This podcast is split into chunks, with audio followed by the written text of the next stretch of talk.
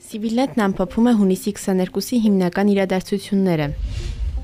Հայաստանի տարածք ներխուժած ադրբեջանական զինծառայողներին հանելու ուղղությամբ տեղի են ունեցել բանակցություններ ռուսական կողմի մասնակցությամբ։ Այսօր լրագրողների հետ զրույցում ասել է զինված ուժերի գլխավոր շտաբի պետ Արտակ Դավթյանը, վերահաստատելով կառավարության այն դիրքորոշումը, որ խնդիրը պետք է լուծվի խաղաղ եղանակով։ Նպատակը կա առանց բախումների մեր տարածքում հայտնված ադրբեջանական ստորաբաժանումների հետ քաշումն է, եւ ամբողջությամբ մեր տարածքում պետք է իրականացնենք միջոցառումներ, կառաջնային դեպքում համագործակցելով ռուսական կողմի հետ, ասել է Դավթյանը։ Լուրերի լրագրողի այն ճշտմանը, թե հենց ռուս սահմանապահների մասին է խոսքը գնում, թե այլ երկրի ուժերի տարբերակը կարող է քննարկվել, Դավթյանը կարճ արձագանքել է ռուս սահմանապահների մասին է գնում խոսքը։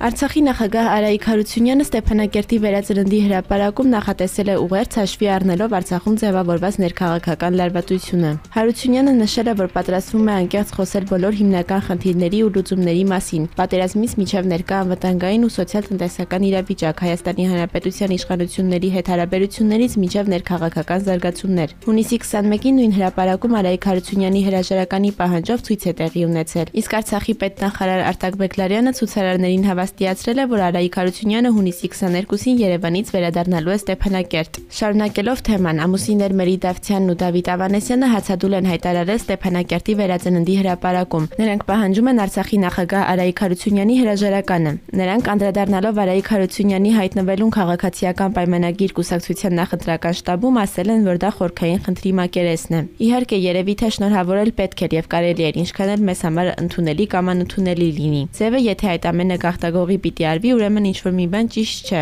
Անձնական հարցով եկել եմ Երևան, պետական այրի ձևակերպում չէ, ասել է Մերի Դավթյանը։ Մերի Դավթյանը եղել է Արցախ Times ինտերնետ հարթակի, ինչպես նաև Արցախի հանրային հեռուստատեսության տնօրենը։ Ներկայում Հադրութի դեօկուպացիա հասարակական կազմակերպության նախագահն է։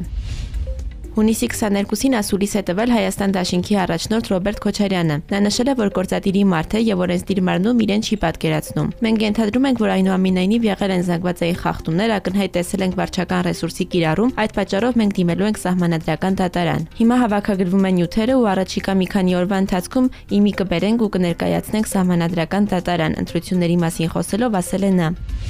Հունիսի 20-ին կայացած ընտրությանը Սյունիքի մարզում քաղաքացիական պայմանագիրը հաղթել է, քանի որ համատարած սպառնալիքներ են եղել պետական աշխատողների հասցեին, գործել են շրջիկ խմբեր եւ զինվորականների են օգտագործել։ Սիվիլնետի հարցմանի պատասխան Հայաստան Դաշինքի հրավիրված ասուլիսում հայտարարեց Դաշինքի տեխնացուներից Վահե Հակոբյանը, անդրադառնալով Սյունիքում Փաշինյանի հաղթանակի փաստին։ Դաշինքի ղեկավար Ռոբերտ Քոչարյանն էլ կարծում է, որ զինվորների քվեարկությունը էական փոխում է պատկերը։ Նրա խոսքով գյուղերում Դաշինքը չէր հասցրել աշխատել, ինչն ազդել է քվեարկության պատկերի վրա։ Բացի այդ Քոչարյանի համոզմամբ հանրային հեռուստաընկերությունն էական գործոն հանդիսացել, լինելով կառավարամետ։